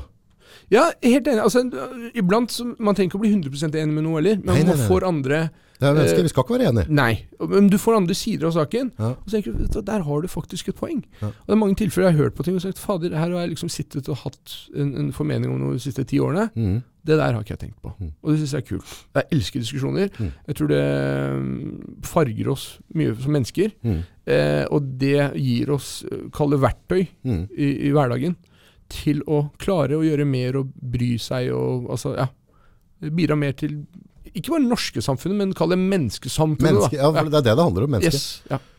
Og det, er der er han, øh, jeg har hatt noe siste to år, eller et eller annet sånt. Så jeg har hatt gleden av å høre mye på han øh, Joe Rogan, Ja. en uh, kokospodcaster, Ja, ja. utrolig dyktig type. Men han drar inn så mye folk med så mye forskjellige meninger, Mm. og så er han på en måte helt, det kan være ekstremt på ene sida.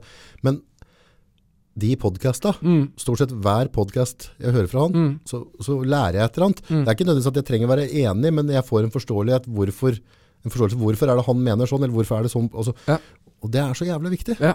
Og det å være sånn litt ufiltrert der. Ja, Tørre. Nøkkelordet gidde. Ja. Du gidder. Du setter av tid til det. Du hører på det. Du, du er åpen for å høre noe. Mm. Så fort man kommer ut av den selvsentrerte boblen, Mm. så tror jeg man utvikler seg mye mer som menneske. Jo, men da trenger du òg mer sånn som han. For det, hvis jeg da får sånn type sånn NRK-produksjon, eller et eller annet sånn, Ja. der det er på en måte skripta, det sitter, sitter en hel sånn eh, gruppe bak og bestemmer rammer, alt. Ja. så, så, så gidder jeg ikke å høre etterpå. For eh, hele debatten er satt opp Mm. til å prøve å sverte meg ene, Mm. ene retningen. Mm. Men de, det, sånn som podkast, er et fritt medium, Mm. så, så er det åpenhet For at du kan få, få sagt ferdig, Ja. istedenfor at jeg skal da bare liksom sitte klar med et spørsmål til, bare for å motsi. Bare motsi for å motsi, for å vinne debatten. Mm. Ja. Og det, altså, det skal ikke være noe å vinne en debatt.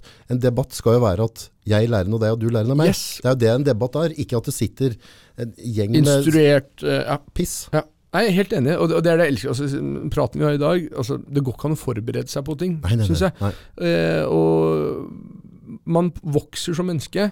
Eh, og så håper jeg at de som hører på, tar noe med seg eh, av det vi prater om. Ja.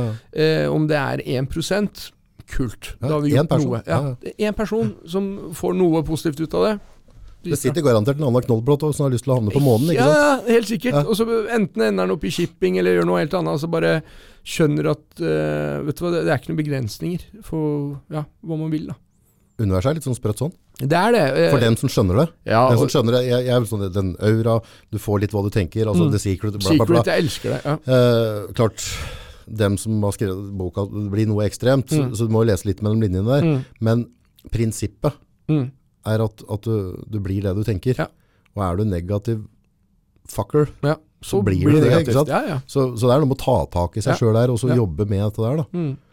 Jeg hadde en lærer på shippingstudiene. Ja. Siste dagen var var ferdig, så sa han noe jeg virkelig har tatt med meg. Han sa eh, You can be anything you want in the world, but you cannot be everything. Og det er veldig viktig at du velger faktisk altså, Bli god på Ja. et og forstår at alt er mulig. Det, det syns jeg er ganske viktig. Og det der med tiltrekningskraften, da, som Ja. jeg virkelig altså Jeg husker jeg så sikkert for mange år siden, og det gjorde virkelig inntrykk på meg. Altså Du kan ikke sitte og se på bordet og forvente at noe skal komme og altså, Fysikkens var- lover gjelder fortsatt. Ja, ja. Men eh, jeg bare merka så fort jeg begynte å tenke mer positivt og på en måte tenkte i den retningen hvor jeg vil i livet, ja. så skjedde ting. Eh, og nei det, For hadde ikke hatt trua, så hadde det ikke blitt megler. Nei. Og jeg tenker sånn der, altså, vi altså, Hvis du har snusboksen her nå, da, Mm. så slipper den der. Det er en fysisk lov. Ja. Det detter ned. Ja. Tyngdekraften, bla, bla, bla. Men det er òg en, en universell lov Mm. som òg tilsier at du blir det du tenker. Ja. Det er jeg helt sikker på. Altså klart, du Tenker du at du skal bli Bill Gates, kan godt at du kommer litt kort der. Mm. Men, men bare i ditt liv, Mm. suksess i ditt liv, Mm. ha det ålreit. Himmel og helvete Mm. lever inni meg og deg. Gjør, du, gjør du riktige ting, så har du det bra. Og jobb mot det. ikke sant? Og, og der tror jeg også folk kan ha forskjellige formeninger om det. Religion, f.eks. Ja, ja. Jeg føler at også Ja, du er litt kristen, er du Ja, det kan du si. Altså, jeg, eller jeg, jeg, troende, eller- ja, jeg vil si at personlig, altså uansett hva du Troende. er, ja, Ja. å ha det for deg selv, Ja. som å anse det som eh, Ber du til høyere makter sånn? Ja, det gjør jeg. Jeg, Ja, ber, jeg, altså, jeg har bedt siden jeg var sikkert fire. Ja. Eh, Det er jo en måte å preppe hjernen sin, det òg. Det kan du si, men det spørs hvordan man bruker det. Altså, ja, det kan du si. Og noen som sa det til meg en gang, jo større sorg, jo større Gud. Altså når du har litt utvikling, altså problemer da, i oppveksten og hva en årsak skal være, Ja. så til, altså går du til høyere makter. Ja. Eh, og så tenker du positivt, så ordner det seg. Mm. Eh, og jeg syns at uansett hva du tror på, så syns jeg du skal holde det personlig. Mm. Eh, fordi jeg tror de fleste skrifter, uansett om det er Bibelen eller Koranen eller hva det er, det er for å veilede deg i livet. Ja, Deg. Ja. Det er ikke for at du skal belære andre om noen ting. Og når du har valgt dine skrifter, Ja. Toran, altså hva enn det er, gjør, gjør det for at det skal gjøre deg til et bedre menneske. Ja. Ikke for at du skal gå og peke på andre hva de gjør. Ja, ikke sant. Det gir jeg blanke F i. Ja. Altså. Om du drikker eller ikke, om du spiser det eller ikke. Altså, jeg, kunne si, jeg velger retninga mi, og så fort eh, Pappa kom til meg, og det, det er sånne Mange som har visse øh, tanker om utlendinger og hvordan oppveksten er. Ja, ja, ja. Og det var to ting jeg husker ganske godt med mine foreldre. Det ene var religion, og det andre var å velge kjæreste, eller kone. ja, ja, ja. Eh, pappa kom til meg, jeg var sånn 15-16, husker jeg, han som kom til meg bare sånn ut av intet. Han bare 'Miras, du kommer kanskje til å velge deg en religion snart'. Mm. Altså, du, nå går du på skole, du leser, du lærer om Koran, du lærer Bibelen, Toran whatever.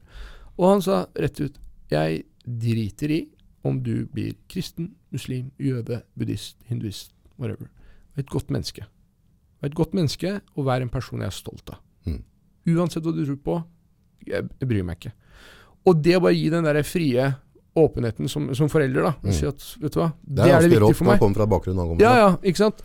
Um, og han har jo vokst opp i litt mer religiøs eh, miljø enn en det vi har hatt her, da, for Ja, å si det sånn. ja. Syns det var kult. Og så husker jeg altså, Det var nesten så Jeg kjenner jo foreldrene mine, Ja. men når man ser så mye på film og TV, så får man et annet syn på ting det, enn det det egentlig er. Eh, så skulle jeg prate med mutter'n. Jeg skulle fortelle hun at du, mamma, jeg tror ikke kona mi kommer til å være iransk. Nei. Eh, så hadde jeg liksom forberedt meg, da. Jeg hadde data på henne, og ikke noe negativt. Jeg bare følte at det funka ikke for meg. Eh, og så øh, sa jeg til henne at du, bare så du vet det, jeg vet ikke om jeg kommer til å gifte meg med en iraner. Mm. Og hun bare Det er du som skal bo med henne, ikke jeg. Det var ikke noen diskusjon i det hele tatt. ikke sant? Uh, og så har jeg klart å finne meg en svensk kone som bare møter meg på altså alle plan, og vi har på en måte utfylt hverandre. Skapt en balanse. Eh, og det tror jeg er det viktigste i livet. Balanse. Altså Uansett hva det er, balanse for det er det viktigste. Uh, jeg har på en måte lært mye fra hennes bakgrunn som svensk, og familien er bønder. Ja. Veldig avslappet folk. Ja. Elsker det. Uh, jeg er en stressoman, ikke sant? og det får meg til å liksom lugne meg litt ned. Hun er veldig forståelig jobbmessig, og, og det å jobbe i shipping da må du ha en partner som Tåler det. vil, tåler det, stiller opp og forstår at huet ditt inneholder 14 tanker om gangen, liksom. Og der er hun helt fantastisk, altså. Jeg, jeg hadde ikke klart det uten henne. Eh, nei. Åssen pappa blir du? Du, kom, Hva er en drømmepappa for deg? Drømmepappa... for, Altså, eh, Hva skal jeg, unga dine huske om deg den dagen de spar deg ned? jeg håper de husker om meg det jeg husker av, altså, har av faren min. da. Jeg håper de føler at jeg lærte noe. Selvfølgelig kjærlighet, at jeg er der og altså, den, det vanlige. Men jeg håper at jeg gjør en, har gjort ting som har eh, gitt dem de verktøyene man trenger i livet. Mm. Altså Om det er å holde tid, om det er å være eh, ryddig, om det er å være flink, pågangsmot, smarte, altså høflige. Altså Noe sånt. da. Det syns jeg er veldig viktig. Der, der, der har du liksom, Nå ramser du opp grunnverdia til en suksess, Ja, men, ja. kanskje. ja. Ja, altså, altså Punktlighet, høflig, pågangsmot, ha trua på seg sjøl. Altså, Hyggelig. det er ting du ikke lærer. Du lærer ikke det så mye på skolen, Nei, kanskje. Det er, det er mer som faglig. Men det, jeg tror på en måte det faglige er ikke så mye verdt. Men samtidig så ser jeg òg scumbags. Ordentlige skittstøvler Mm. som har gjort det helt rått økonomisk. Mm. Så begynner jeg å lure på faen hva skjedde her egentlig? Ja. Hvordan, hvordan, eh, hvordan gikk dette for seg? Hvordan kan du komme så langt på å Å være, slik? Ja. Nei, altså det, folk det, Hva slags ettermæle legger du igjen fra deg, da, tenker Ja, jeg. Og, og er det verdt det? Mm. Altså, jeg vil ikke ha Jeg tar heller en mindre kakestykken, Mm. og hvor folk sier at Miras var en fin fyr. Mm. Han ø, bidro til om det var samfunn eller venner eller Altså uansett, da, på en eller annen måte, på en positiv måte, enn at du skal få store kakestykken og si at han er en scumbag. Det får ikke Men hvordan skal du klare å balansere dette her nå, da? For det, dette ser jo jeg òg. Jeg har jo to døtre. Mm. Og, og er på en måte som deg, på, my, på mye på jobb. Mm. Uh, så jeg er jo ikke den fotballpappaen. Eh, jeg står ikke i pølsebua, og, og så, jeg går ikke med drikkeflasker. Mm. Jeg, er ikke, jeg har mange kamerater jeg ser veldig, veldig opp til. Da. Dessuten, De tar med unga ut på fisketur, de går Mm. tur og ditt og Mm. datt. Men ofte sånn der, når jeg har fri på ei helg, hvis jeg har fri, Mm. så, så har jeg kanskje pusha såpass hardt. Så det, det, det er tomt. Ja. Altså, det er sånn, sitter jeg nede da, så, og jeg skal gå opp, Mm. så er det sånn at jeg kvier meg litt for å gå opp trappa, for jeg er, jeg er så sliten Mm. etter 14 dager med, med full guffe. Og da den tanken liksom å hente den energien, og være den kule pappaen som tenner Mm. bål og er med ut der. uh, men samtidig så i forholdet mitt med jentene mine, Mm. jeg tror dem, eh, eller, jeg, de er glad i meg for den jeg er, Mm. og så tror jeg det er den de har sett hele tida. Uh, og så er jeg der på de tinga som jeg er der. Og, så jeg innbiller meg da, at jeg bommer der, Mm. at det er godt nok. At ikke de kommer til å si at uh, jeg hadde en pappa som ikke var stedligværende. Det er mye kos som sitter mye på fanget. Ja. og Vi, vi, men hva, Altså, du, jobber, så- du jobber i en, en bransje bransje. Eh, som, som kommer til å kreve mye av deg. Bare så det er sagt, da. Av det jeg har sett av deg, og, og nå er det jo sånn at man følger på meg på sosiale medier, ja. du er jo der når du er der. Mm. Og det tror jeg er det viktigste med Mm. barneoppvekst. At du på en måte ikke er fraværende i tanken når du er der. Mm. Jeg syns du gjør en fantastisk jobb med døtrene dine. Det det, det er en kjempefight, og, Ja. og det opplever jeg ofte. Jeg kan sitte ved kjøkkenbordet. Og så, jeg syns det er veldig deilig med, med lydbøker. Hører Mm. Mye lydbøker. Mm. Eh, Noe type faglig, og noe Ja. er liksom litt, litt forskjellig. Men prøv å få noen timer lydbøker hver dag. Og det kan være en sånn fin måte å rewine huet mitt etter en dag. Og vipper på med headset og setter på lydbok. Mm. Så er jeg litt i den lydboka, og så føler jeg at liksom det er balsam for meg. Og så kommer dattera mi, og så lurer jeg på et eller annet på iPaden eller litt og datt. Og at jeg kan være litt sånn avvisende at jeg ikke er til stede da. da. Så jeg må liksom ta med øret, legge fra deg headsetet, nå, nå, nå henger vi på. Så lenge du er klar over det, så tror jeg det er det viktigste. Altså, Det er verre hvis du ikke har vært klar over det. Ja. Bare lar det gå. Ja. For da kan du faktisk gjøre noe med det. Ja. Eh, og som forelder håper jeg at jeg kommer til å være til stede. Det jeg syns er utrolig positivt, er at altså, man har jo forskjellig syn på denne bransjen, om det er finans eller shipping. Ja, ja, ja, er. Jeg føler, eh, spesielt i vår jobb, eh, der jeg jobber, utrolig mye forståelsesfulle mennesker med tanke på barn. Mm. Eh, og det er ganske spesielt, fordi uansett om jeg prater med kunder, om det er sjefen eller kolleger, de sier at det der er viktigere enn alt annet. Bryr kineseren seg om det når du skal selge en båt, tror du? Eh, om, om om kiden, liksom. Ja. Kineseren er kanskje annerledes, men da, da får du bare klare å delegere Ja. noe til noen andre. da. Ja, ja. Og så får du på en måte ta fighten og, og prioritere tiden din Mm. litt riktig. Mm. Eh, men så, så lenge du har en, si en sjef da, Mm. som sier at det der er det viktigste, Mm. det kommer først, alt annet kommer etterpå. Mm. Så kiden, og, og der føler jeg at vi, har jobbet i et firma hvor eh, familielivet er ganske viktig, og, og det, jeg har aldri sett tilfeller hvor jeg føler at ok, fy fader, her kommer jeg ikke til å klare å strekke til, på en måte. Så de er opptatt, firmaet ditt er opptatt for balanse? Yes, veldig. veldig. Eh, og det er mange av de altså, Og det som er interessant, altså selvfølgelig er det mange Du, du jobber hardt og får kunder osv., men du velger jo kundene selv. Ja. Du velger jo kunder som du funker bra med. Ja. Og de jeg jobber med, de har vi samme mentalitet med, og, og de er der. Når Mm. de sier at når du får barn, så er det viktigste. Mm. Eh, og jeg syns det er utrolig kult å prate med dem om det. Mm. For du kommer med en personlig plan Mm. med kundene, Mm. og du hører deres eh, altså erfaring da, med å bli foreldre. Mm. Det er utrolig kult. altså. Jeg gleder meg masse. Vet du om det blir gutt eller jente? det blir gutt. Det blir gutt. Mm. Grattis. Ja, takk for det. Gleder meg masse, altså. En Eh, liten Miras. ja, jeg tror, og Hanna gjør en helt fantastisk jobb allerede. Altså, når hun blir gravid, var vel litt uti det, så kommer jeg og liksom Da har jeg begynt å google ting, ikke sant. Ja, ja. men du, hva med det, og hva Hva med med de. Ja. vitaminene? Hun bare du, Det har tatt et års tid, jeg. Så jeg bare Ja, det der har jeg lest, og bare tuller du? Liksom, det der har jeg fiksa for lenge siden. Altså, så jeg bare, ok, greit. Er liksom, alt, er, alt er på koll her, liksom. Så jeg så på barnevogn her om dagen. Oi, Og så kult. begynner ting å på en måte føle at nå skjer det. Mm. Det blir en stor forandring i livet ditt på en positiv måte. Mm. Det Jeg tror. Jeg tror dem som ikke har barn, i veldig mange tilfeller så, så tenker de som at «Å, her blir det begrensning med vanskelig dit og datt. Mm.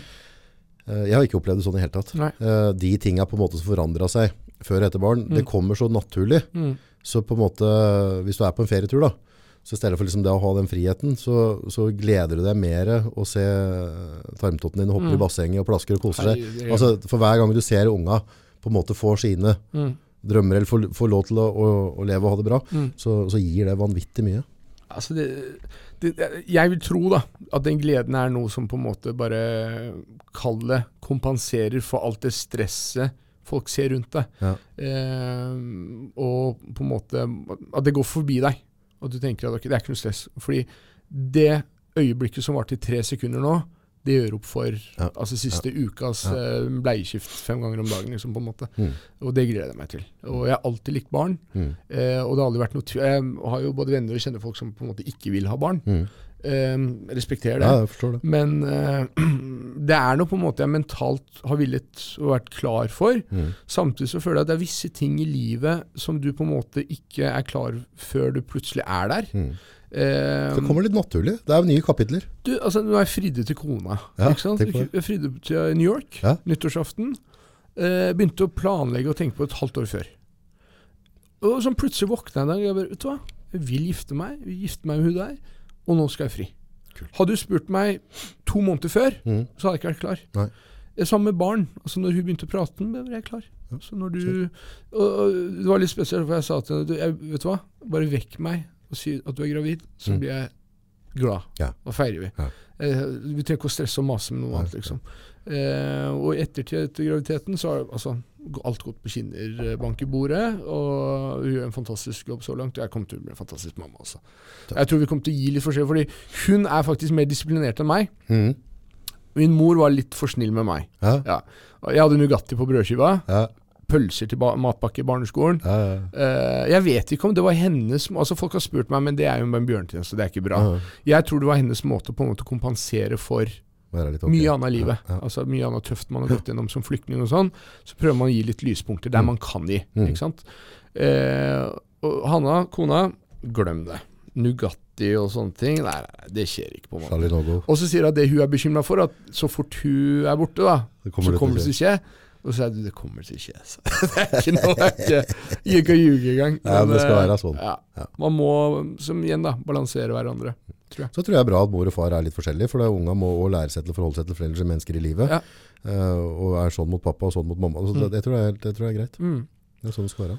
Det er kult. Litt av iransk kulturen og litt av svensk. Og, nei, jeg tror det blir kjempebra. Eh, Skikkelig miks. ja, det blir bra miks, det.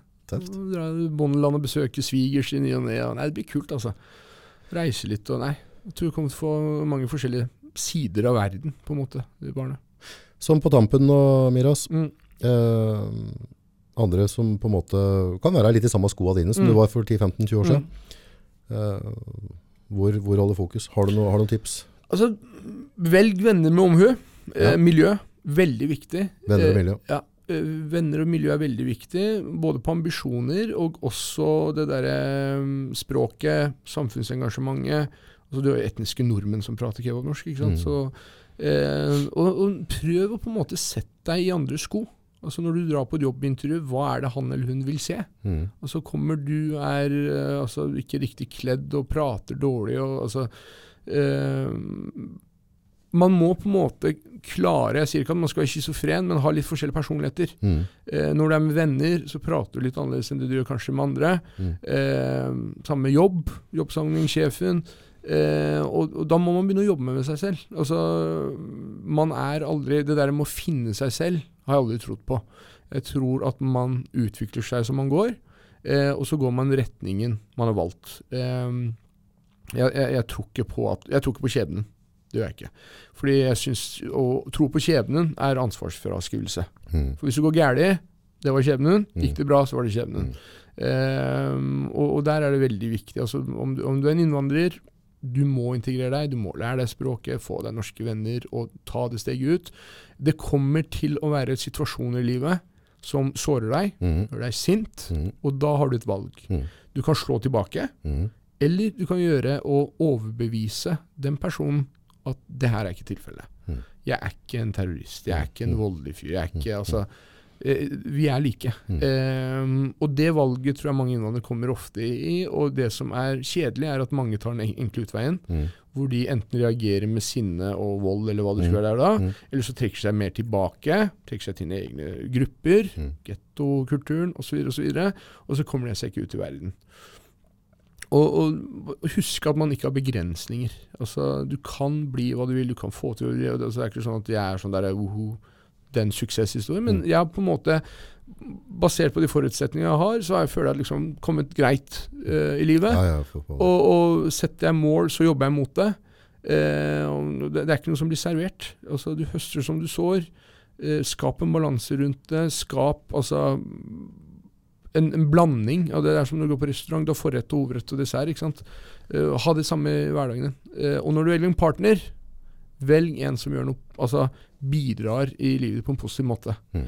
Ikke en uh, som Ikke bare ødelegger ambisjonene dine, men altså, kall det mentaliteten din. da, Mm. med tanke på, ja. Og så lærer man hele tida. Altså, jeg har gjort masse dumt i livet mitt. ikke sant? Men det er sånn der, du vokser på det, du lærer av det. Eh, det er det viktigste. Mm. At du ser tilbake og sier ok, det der var dumt. At du reflekterer over ting. Så ja. Det er det, det Jeg vet at det er veldig mange kompiser dine som ser opp til deg, og det gjør jeg òg. Du er et, et godt, eh, godt for forbilde og en god kamerat. Takk. Og jeg gleder meg til å se deg som pappa. Og så blir det veldig gøy å se om noen år hvor du har kommet. For jeg vet at du har, eh, du har et mål i øyet, og du kjører på. Kult. Det er kult. Det er tøft å følge med Tusen på. takk. Jeg setter skikkelig pris på det. Altså. Det betyr veldig mye for meg. Tusen hjertelig for at du stilte på den. Digger det. Takk skal du ha.